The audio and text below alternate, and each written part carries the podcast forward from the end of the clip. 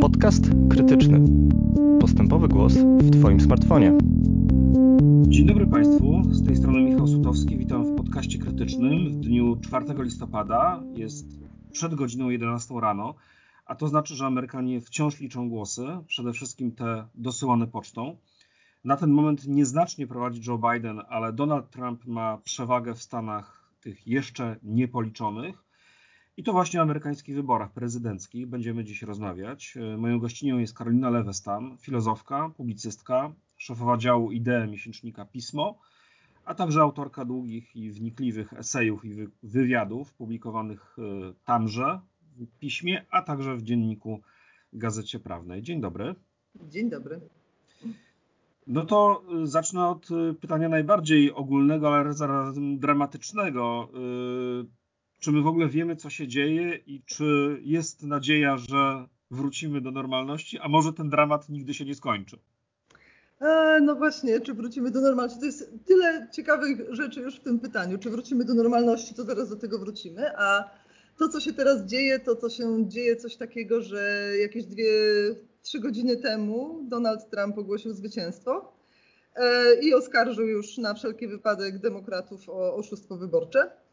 E, zanim oczywiście wbiegł na mównicę mm, Pence, który próbuje zawsze tonować to, co mówi Trump i mówi, e, e, jesteśmy na drodze do zwycięstwa, no ale jakby już słowa od prezydenta padły.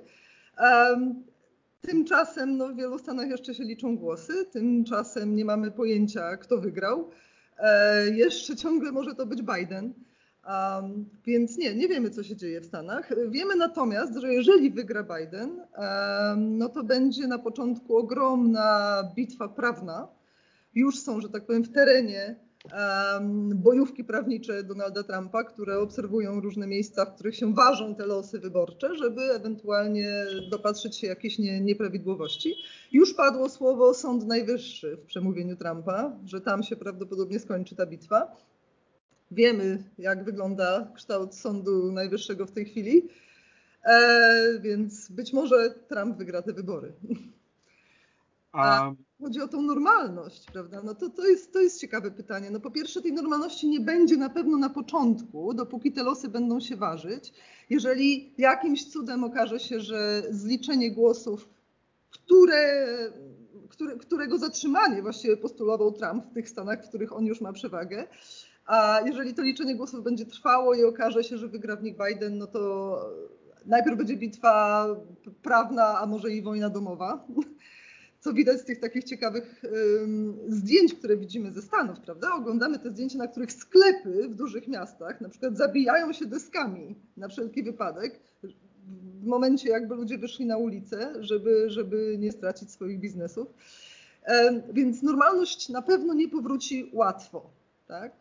Ale nawet gdyby wygrał Joe Biden i nawet gdyby Trump E, w końcu odpuścił, tak? I nie wyprowadził po prostu ludzi z bronią na ulicę. To też nie jestem pewna, czy ta normalność tak szybko wróci. A powiedzmy, y, y, nie wiemy jeszcze w jakim kierunku, ale chyba możemy powoli mówić o tym, kto przesądza wynik tych wyborów. Wiemy, że w 2016 roku y, to był przede wszystkim środkowy Zachód, czyli te Stany niegdyś tradycyjnie sprzyjające demokratom, które gremialnie E, poparły e, no, kandydata wrogiego dotychczasowemu establishmentowi, czyli ci no, stereotypowi biali robotnicy z pasardzy. Jak to wygląda w, tym, w, tych, w tych wyborach? No po pierwsze bardzo, bardzo ciekawe są um, wyniki tych exit poli, które pokazują jak wygląda rasowo przekrój wyborców poszczególnych kandydatów. No jest to, powiedziałabym, dla mnie no, radykalnie szokujące, bo w stosunku do poprzednich wyborów a, Trump stracił, o dziwo, wśród białych mężczyzn. Tam, gdzie była ta jego, prawda, no dalej, dalej wygrywa wśród nich, można powiedzieć, e, w, jakimś marginesie, ale jest to o wiele mniejszy margines niż był. Natomiast no, przedziwnie na przykład y, wyborcy tak zwani Hispanics, y, czyli na przykład Kubańczycy mieszkający na Florydzie, w jakiś dziwny sposób zagłosowali o, o wiele większym procencie na Trumpa niż, niż miało to miejsce w 2016. Co więcej, Trump zwiększył swoje, swoją, swój udział wyborczy tak, w takich grupach jak kobiety. Tak? Nawet czarne kobiety. Ma, ma wśród nich oczywiście bardzo małe um, poparcie nadal. No to to jest ciągle w granicach tam jednocyfrowych y, wartości, tak? ale jest to na przykład dwa razy większe niż było.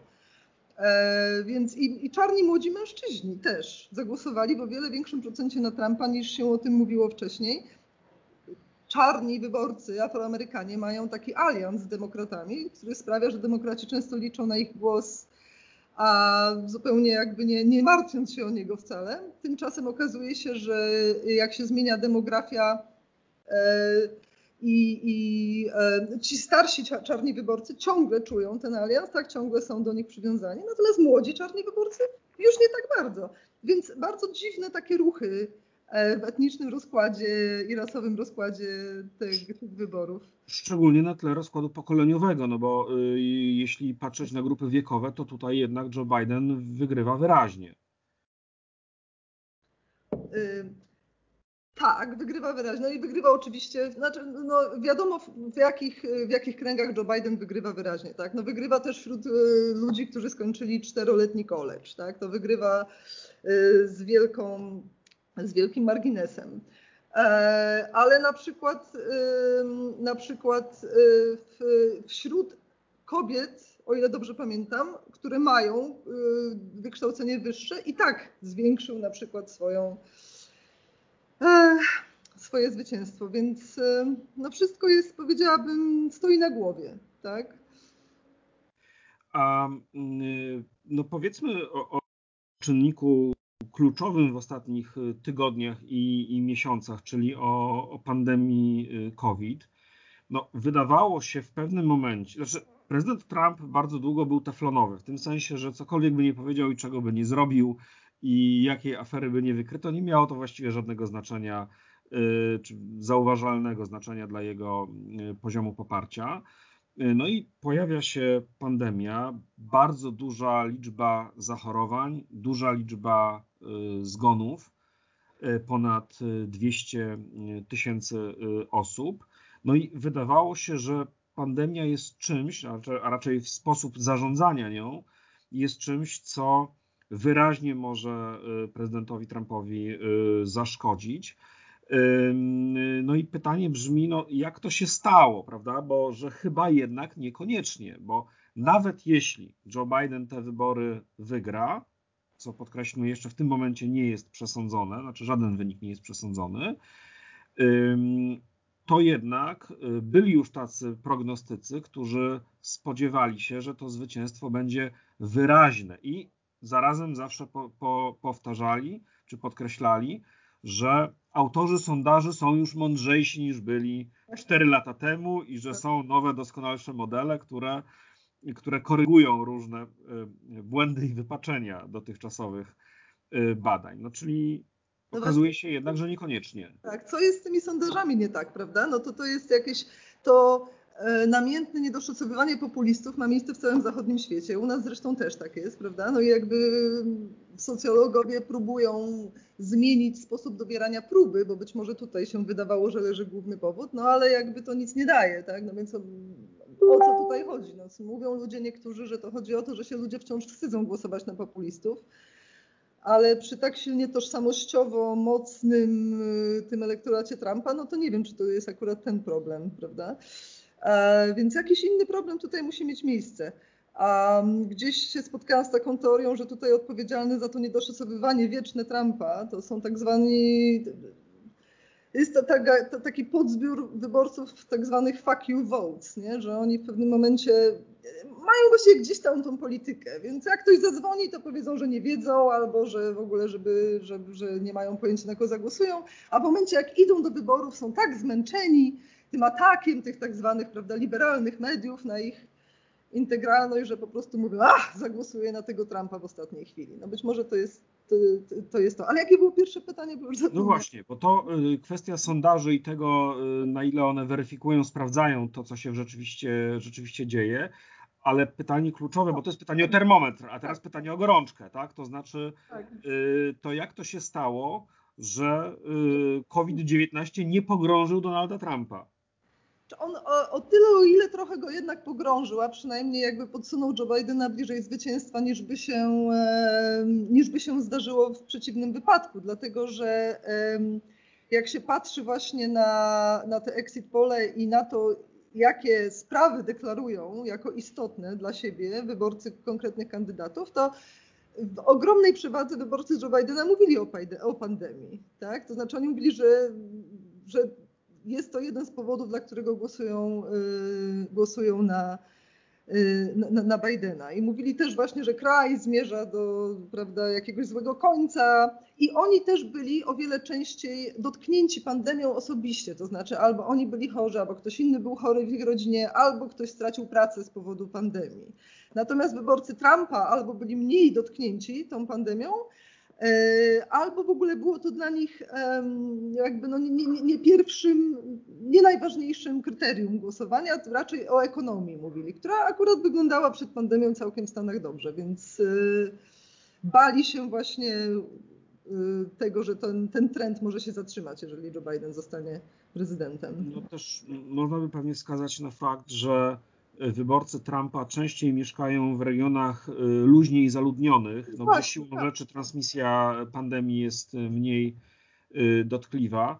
No a do tego na to nakłada się jeszcze no jednak poziom świadomości, czy no, mówiąc kolokwialnie ideologia, tak? Znaczy, że nawet jeśli wyborca Trumpa zachoruje na COVID, no to będzie miał cały szereg, do, do dyspozycji cały szereg różnych racjonalizacji, tak? tłumaczących, że tak naprawdę nie umiera się przecież na COVID, ludzie umierają na różne choroby, yy, a, a COVID jest tam gdzieś jednym tylko z czynników. Yy, popularne było hasło, że to jest yy, niegroźniejsze niż jakikolwiek inny wirus, jakkolwiek by to absurdalnie, absurdalnie nie brzmiało. Czyli rozumiem, że pandemia przede wszystkim daje dodatkowe, mocniejsze uzasadnienia ludziom, którzy skądinąd nie chcieliby na Trumpa głosować, natomiast niekoniecznie ma ten walor perswazyjny. No więc właśnie, bo to pytanie, co jest pierwsze jajko czy kura? Czy ludzie najpierw się boją pandemii i dlatego głosują na Bidena, czy po prostu głosują na Bidena, a powody sobie dobierają później i na przykład pandemię jako taki powód wymieniają? A tutaj jakby wspomniałeś o tym, o tym fakcie, prawda, że, że to też jest poziom wiedzy i poziom jakby, nie wiem, takiego no nie wiem, naukowego wkręcenia w fakty, który tutaj jakoś y, może wpływać na tą różnicę. I właśnie jak tak słucham od wczesnego ranka i do późnego wieczora tych, tych projekcji różnych na CNN czy na Fox News, to przypomina mi się taka książka, której, o której jakby nie chciałabym mówić, bo trochę mi wstyd, tak? To jest taka, bo jest ten, prawda, kontrowersyjny y, badacz Charles Murray, który napisał taką kontrowersyjną książkę The Bell Curve, w której jakby mówił o tym, że różnice w IQ są wrodzone, a być może nawet i rozdystrybuowane w jakiś tam określony sposób między rasami.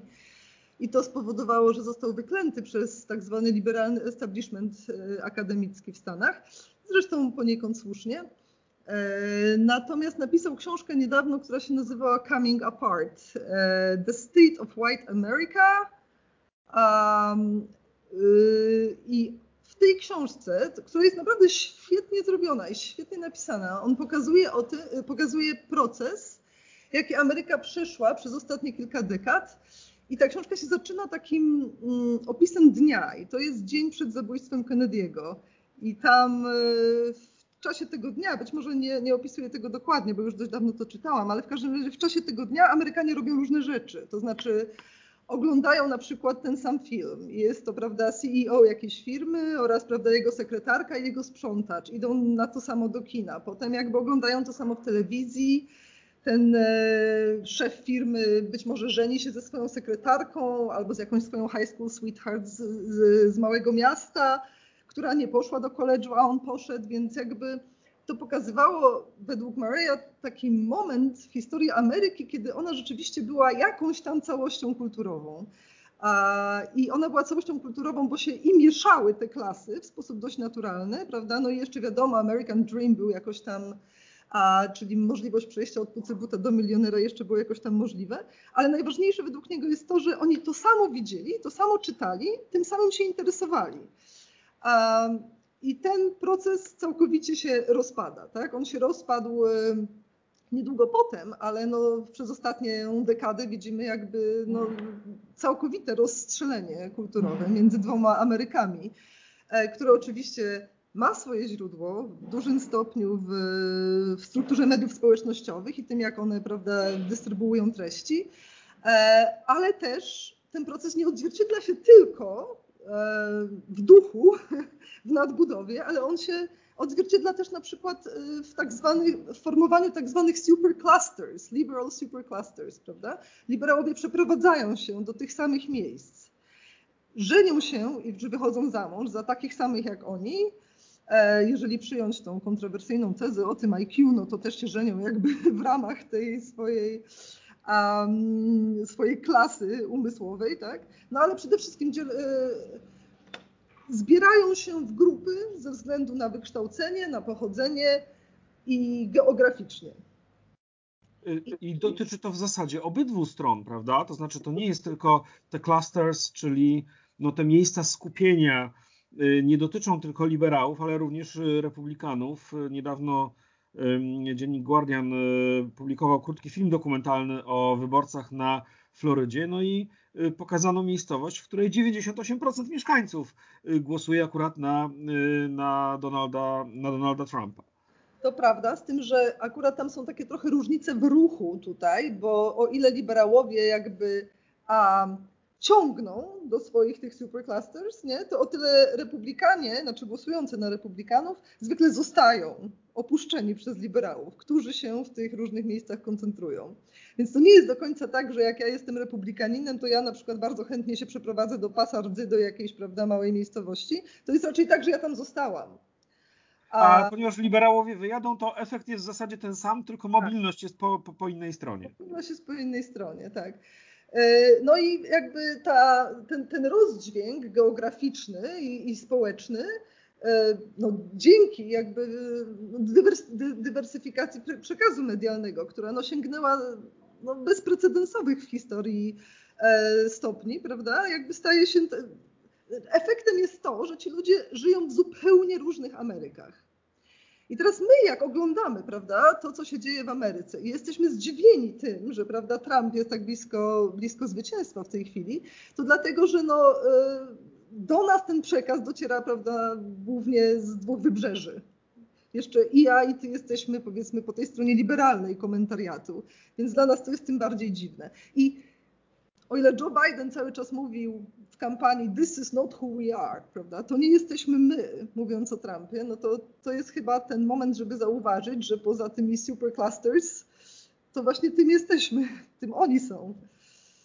A powiedzmy, bo mówimy tutaj o świadomości, o przepływie informacji, ale też o warunkach e, życia. No właśnie Hasło Donalda Trumpa na tę kampanię brzmiało, no, może mało było wyrafinowane, ale Make America Great Again, Again. Czyli to samo co 4 lata temu, tylko jeszcze y, raz. Y, wstępnie to miało być Keep America Great, czyli niech Ameryka dalej będzie wielka, ale potem wybuchła pandemia, więc y, to hasło usunięto troszeczkę w cień. Ale chciałbym na poważnie zapytać, czy są jakieś grupy społeczne, które byłyby w sytuacji porównywalnej no na przykład do naszych polskich wyborców y, Prawa i Sprawiedliwości, bo w Polsce można wskazać bardzo konkretne grupy, które bardzo wymiernie zyskały na rządach Prawa i Sprawiedliwości i nie mówię tutaj o y, rodzinach polityków prawda, tej formacji, tylko o szerokich, masowych grupach społecznych, no, które zyskały ekonomicznie, tak, w sposób bardzo, bardzo namacalny. Czy w Stanach Zjednoczonych Y, są ludzie, powiedziałbym, których można by uznać za kogoś analogicznego do beneficjentów 500, czy do beneficjentów y, y, stawki godzinowej, czy, czy, czy niższego wieku emerytalnego. No właśnie, prawda, bo chcielibyśmy zyskać jakieś potwierdzenie tej tezy, że być może ludzie głosują na populistów, dlatego że idą za tym realne korzyści a finansowe, tak? I wtedy byśmy jakoś zrozumieli ten proces, ale myślę, że w Stanach to jest o wiele bardziej skomplikowane, bo nie ma bezpośrednio, znaczy no, Trump obiecywał przeniesienie wielu fabryk y, do, z powrotem do Stanów, obiecywał zerwanie z Chinami. No jakby to się troszeczkę dzieje, to nie można powiedzieć, że nie. Jeżeli rzeczywiście w dominacji gospodarczej Chin upatrywać takiego no, wpadania w biedę części Ameryki, prawda, no to na tym polu rzeczywiście no, nie można zarzucić Trumpowi, że przynajmniej nie starał się e, jakoś tam zadziałać. Natomiast no, rzeczywiście nie ma takiej konkretnej grupy społecznej, która po prostu dostała 500 plus. Nie? To jest raczej rzeczywiście dowartościowanie symboliczne chyba. E, I to by raczej pokazywało, że tak naprawdę e, czasami wystarczy wyborcy zauważyć i dać mu tożsamość y, i wskazać na niego, że on istnieje, jest i jego problemy są widoczne, żeby, żeby go zdobyć. I to oczywiście wiele ludzi mówi, że to jest nieracjonalne działanie, prawda? Że, to, że, że, że, często to jest działanie wbrew własnemu interesowi. No bo na przykład Trump rzeczywiście obniża podatki dla najbogatszych, nie? Więc jakby to w sposób y, prosty, można powiedzieć, jakby no, y, ma potencjał um, negatywny, prawda, dla takiego prostego wyborcy, który na niego głosuje. No ale z drugiej strony ten wyborca dopiero po raz pierwszy no, czuje się we własnym domu i być może to jest ta racjonalność, być może jakby poczucie tożsamości, a dowartościowanie, godność tak zwana, czy to wszystko, o czym pisali prawda, różni autorzy po 2016, typu Arlie Hochschild, czy, czy prawda, Strangers in Their Own Land, że być może właśnie to jest najbardziej tym ludziom potrzebne. Może oni działają racjonalnie z punktu widzenia swojej własnej hierarchii wartości. Ta godność była czymś, co im najbardziej, brak tej godności, bo, był, był czymś, co im najbardziej doskwierało. Mm, no właśnie, a bo y, kwestia wyborów y, politycznych, kierowania się wartościami bądź interesami ekonomicznymi mm, to jedna sprawa, a druga rzecz to jest konstrukcja amerykańskiego systemu politycznego, no, która mm, no, ma za sobą bardzo długie trwanie, bo pewne elementy instytucjonalne trwają właściwie od początku E, od początku istnienia e, Stanów Zjednoczonych jako, jako wspólnoty politycznej. E, przez wiele lat traktowano to jako, zwłaszcza w polskim dyskursie, no jako pewien taki powód no, do dumy, czy wręcz przedmiot naśladowania, prawda? To znaczy coś trwałego, coś, co jest w sposób ewolucyjny, tylko przebudowywany czy korygowany. No ale coraz częściej słychać głosy, że ten system jest system polityczny, czy ustrój polityczny, sposób y, kształtowania reprezentacji jest po prostu niewydolny, czy jest y, y, anachroniczny. No więc zadam może pytanie nieco, nieco efekciarsko, ale czy Ameryka nie jest aby już republiką bananową, skoro mamy sytuację, w której nie jesteśmy pewni, czy prezydent, jeśli wygra, jeśli przegra, uzna wynik wyborów, w których w wielu miejscach uzbrojeni y, ludzie, często w broń maszynową, y, y, tworzą jakieś spontaniczne straże w punktach wyborczych, a problem utrudniania oddania głosu wielu obywatelom no jest kwestią znaną nie od dziś. A, no i dodajmy jeszcze problemy z liczeniem głosów, które również nie zaczęły się w czasach Donalda Trumpa, bo jak wiemy, prezydent George W. Bush wygrał wybory dzięki e, no, rozmaitym machinacjom z liczeniem głosów na Florydzie już w roku 2000. E, no więc, czy nie jest tak, że sam ustrój polityczny, czy system polityczny znalazł się w bardzo głębokim kryzysie? No to jest, to są, tak naprawdę trzeba to pytanie rozdzielić, bo jedno, jedno pytanie to jest pytanie o ustrój sam w sobie, a drugie pytanie to jest o jakby pragmatyczny, praktyczny sposób y, manifestacji tego ustroju, to znaczy jakby jak on rzeczywiście w praktyce działa, tak? No bo tutaj są dwie rzeczy. To jest, y, no, Ameryka jest przecudownym, niesamowitym a światem radykalnych sprzeczności i, i, takich właśnie discrepancies, prawda? Że z jednej strony jest to finansowo najbardziej rozwinięty rynek, zachodu, a z drugiej strony na przykład płaci się czekami takimi, na których się z tyłu coś tam napisze, tak? Więc e, no, o, oczywiście Ameryka przez to, że bardzo długo ten system funkcjonuje, ma pewnego rodzaju zastałe i stare sposoby za pomocą których ten system działa, tak? No i w tym sensie tak zwani early adopters zawsze mają gorzej, bo i technika idzie do przodu i wszystko idzie do przodu, a oni zostają ze swoimi systemami takimi, jakimi były one na początku. I, i, i rzeczywiście rzeczy takie jak odmawianie niektórym ludziom możliwości głosowania, ogromne kolejki do, do, do, do miejsc, w których się głosuje. No to są wszystko, można powiedzieć, problemy czysto techniczne. Tak? To znaczy, to być może dałoby się jakoś usprawnić. A nie wiadomo, dlaczego tego się nie robi, prawda? Moja przyjaciółka głosowała wczoraj, która dopiero niedawno dostała amerykańskie obywatelstwo, francuska, i mówi, że musiała stać strasznie długo w kolejce i mówi, jak to jest możliwe, w trzecim świecie jesteśmy, prawda? Dlaczego nie ma więcej tych stacji? Ale to są techniczne. Natomiast są problemy całościowe z tym systemem, jakby idee, na jakich on spoczywa. No i tutaj ten college elektoralny jest największym problemem, prawda? To znaczy fakt, że jak wiemy, a Stany, w których jest bardzo mało ludzi, mają na przykład dużo elektorów, co powoduje, że koniec końców popularne głosowanie można wygrać, a przegrać, a przegrać w jakimś tam konkretnym zliczaniu głosów elektorskich. No i to, to jest rzeczywiście pytanie, które stawiają sobie demokraci od bardzo dawna, którzy od bardzo długiego czasu wykrywają tak zwany popular. Oni chcieliby ten system rzeczywiście obalić. E, także ta trzecioświatowość rzekoma, prawda, Ameryki, to raczej jest tak, są te kwestie praktyczne. Jest bardzo dziwne, że oni nie potrafią sobie poradzić z tym, żeby ludzie mieli rzeczywiście E, identyfikację, za pomocą której mogą głosować, mieli dostęp do, do, do, do miejsc, w których mogą głosować, żeby wiedzieli, prawda, kiedy to się odbywa i jak, żeby mogli sobie w ogóle to ID załatwić, tak, bo to nie jest takie proste. I w tych praktycznych rzeczach Ameryka jakimś dziwnym trafem, tak, nie, nie jest w stanie w ogóle dojść do momentu, w którym to wszystko działa. Nie? Te głosy są liczone szybko, e, w odpowiedniej ilości miejsc. Jest to, jest to wielka tajemnica, dlaczego to się nie dzieje. Ja, ja nie potrafię sobie na to odpowiedzieć i wiele, wiele razy próbowałam. Mhm.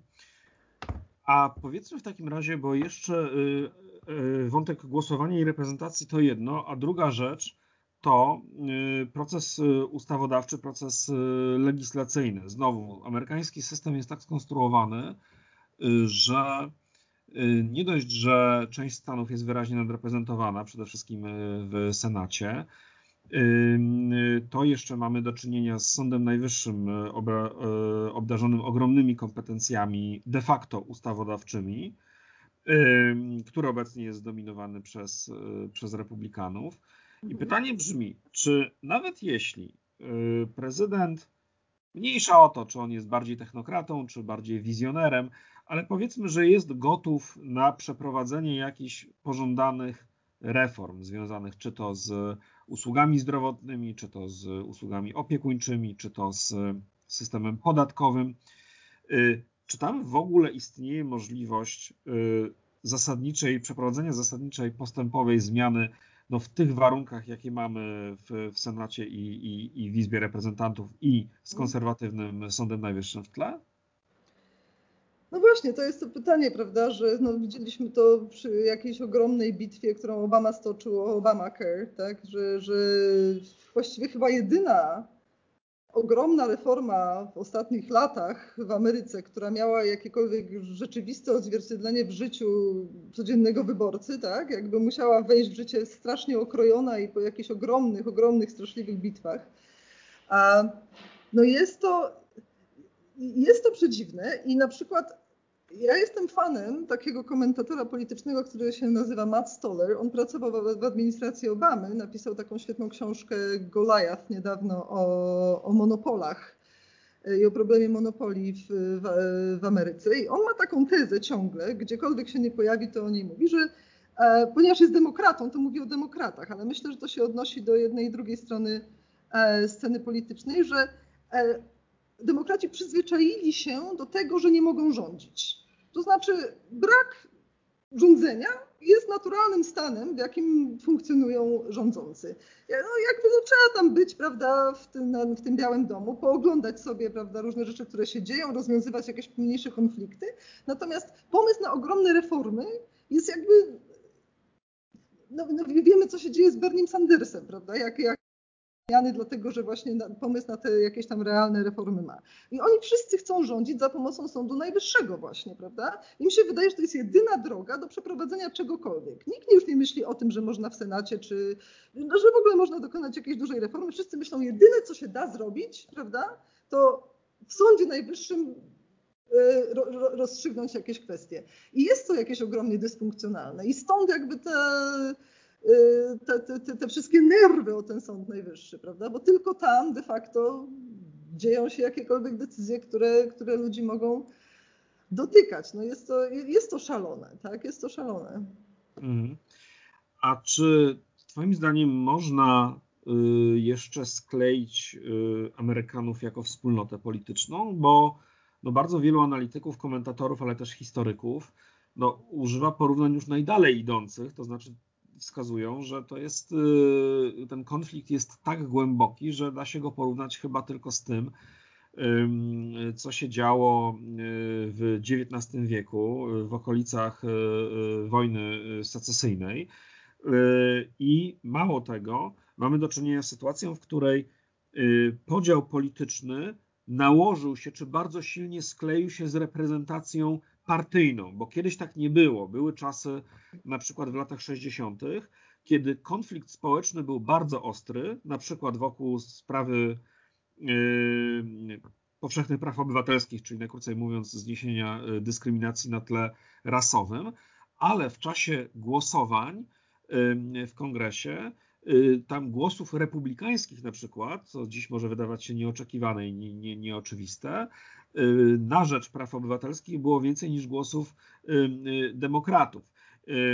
To po prostu dlatego, że część demokratów z południa no, no gdzieś tam żywiła cały czas stereotypy różne i akceptowała segregację. Nie twierdzę, że to dobrze, ale to znaczy, że Y, były możliwe różne stanowiska w obrębie partii politycznych, no i w związku z tym też na przykład perswazja czy przekonywanie niektórych polityków czy kongresmenów republikańskich, żeby za pewnymi sprawami y, y, zagłosowali. Dzisiaj wydaje się to zupełnie no, no nie, nie, niewykonalne. Tak? To znaczy bardzo trudno jest pogodzić wspólnotę, kiedy nie tylko społeczeństwo jest podzielone, ale jeszcze system partyjny jest dostosowany do tego podziału. Tak, to jest w ogóle niesamowite, bardzo szerokie pytanie, prawda? I jedynym tekstem, z jakiego jestem naprawdę dumna, jaki w życiu napisałam, to było w 2016 na dzień przed wyborami. Napisałam Hillary Clinton już przegrała dla DGP. I to już nigdy mi się to nie uda. Oczywiście był to, było to uderzenie trafu, a nie, a, a nie moja jakaś taka, nie mój geniusz analityczny. Ale tam stawiałam taką tezę, że y, wybory w Stanach są rytuałem tożsamościowym po prostu. Y, I przez to, że one trwają tak długo i zaczynają się od prawyborów, prawda? I w trakcie tych prawyborów sama partia dopiero się określa. E, i jakby ludzie to oglądają, uczestniczą w tym jako w takich igrzyskach w ogóle, prawda? E, to ta wyobrażona wspólnota, która przecież jest e, całkowicie porozrywana i rasowo, i kulturowo, i etnicznie, i na wszystkie możliwe strony, dzięki tym rytuałom ta wspólnota ma szansę stworzyć sobie jakiś taki, jakiś pozór narracji, dzięki którym może się określić. No, niestety dzieje się to na dwóch przeciwnych biegunach. E, i dzieje się coraz bardziej na tych dwóch przeciwnych biegunach, tak?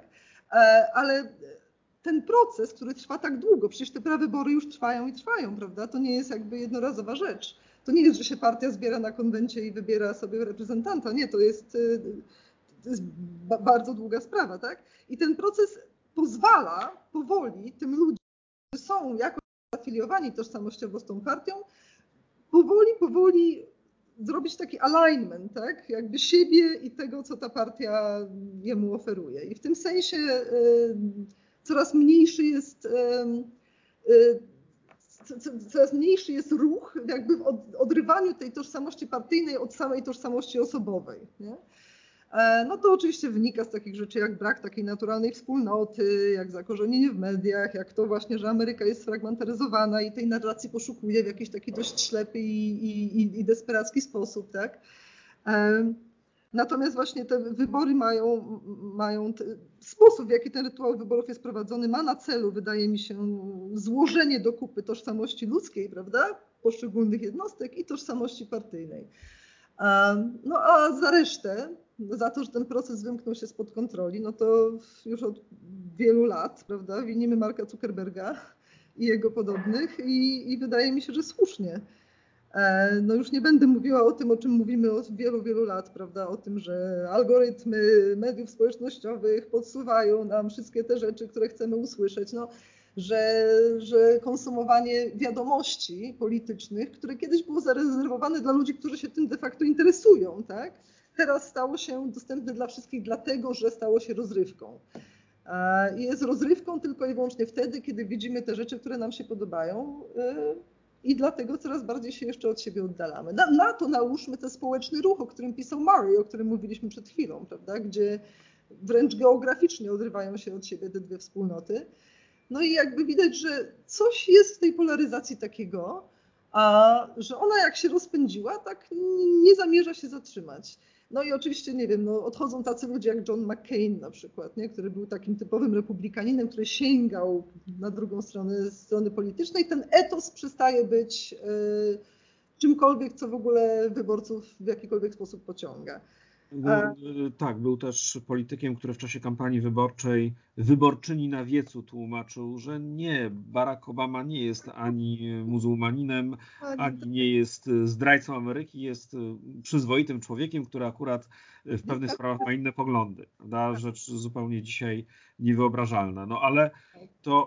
Rozmawiałam ostatnio z Michałem Łuczewskim dla pisma y, i Michał Łuczewski, który jakby jest, że tak powiem, politycznie ode mnie bardzo odległy, ale bardzo go cenię Mm, stawia tam taką tezę, że być może po prostu no, polaryzacja jako taka w tej chwili nabrała już takiego rozpędu, że ona się będzie replikować no matter what. Tak? To znaczy, że nawet jeżeli wygrałby Biden i nawet jeżeli nie byłoby Trumpa, to nawet w ramach, nie wiem, wyborców demokratów te, taki podział jakiś musi się dokonać, nie? że w pewnym sensie to jest taka fraktalna sytuacja, w jakiej się znaleźliśmy że nawet jakieś e, pozory jedności zawsze potem się przełamią i będą się polaryzowały na dwie strony. I on mówi, że nawet to widać w naukach społecznych, gdzie zawsze jest heterodoksja, która się ściera z ortodoksją, a jak wygra heterodoksja, to się dzieli na dwa, nie? i wtedy już jedna z nich zostaje ortodoksją.